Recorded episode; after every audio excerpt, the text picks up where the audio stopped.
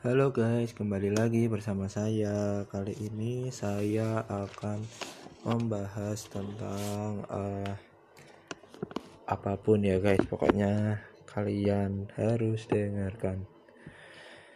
Interaktif berbeda dengan teknologi iklan pada abad ke-20 dengan pengecualian pada telepon, teknologi e-commerce atau dagang online ya guys merupakan teknologi yang interaktif.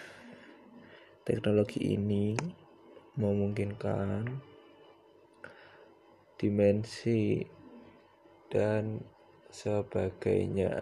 Jadi ada di mana-mana di internet maupun di web di berada mana pun ya guys.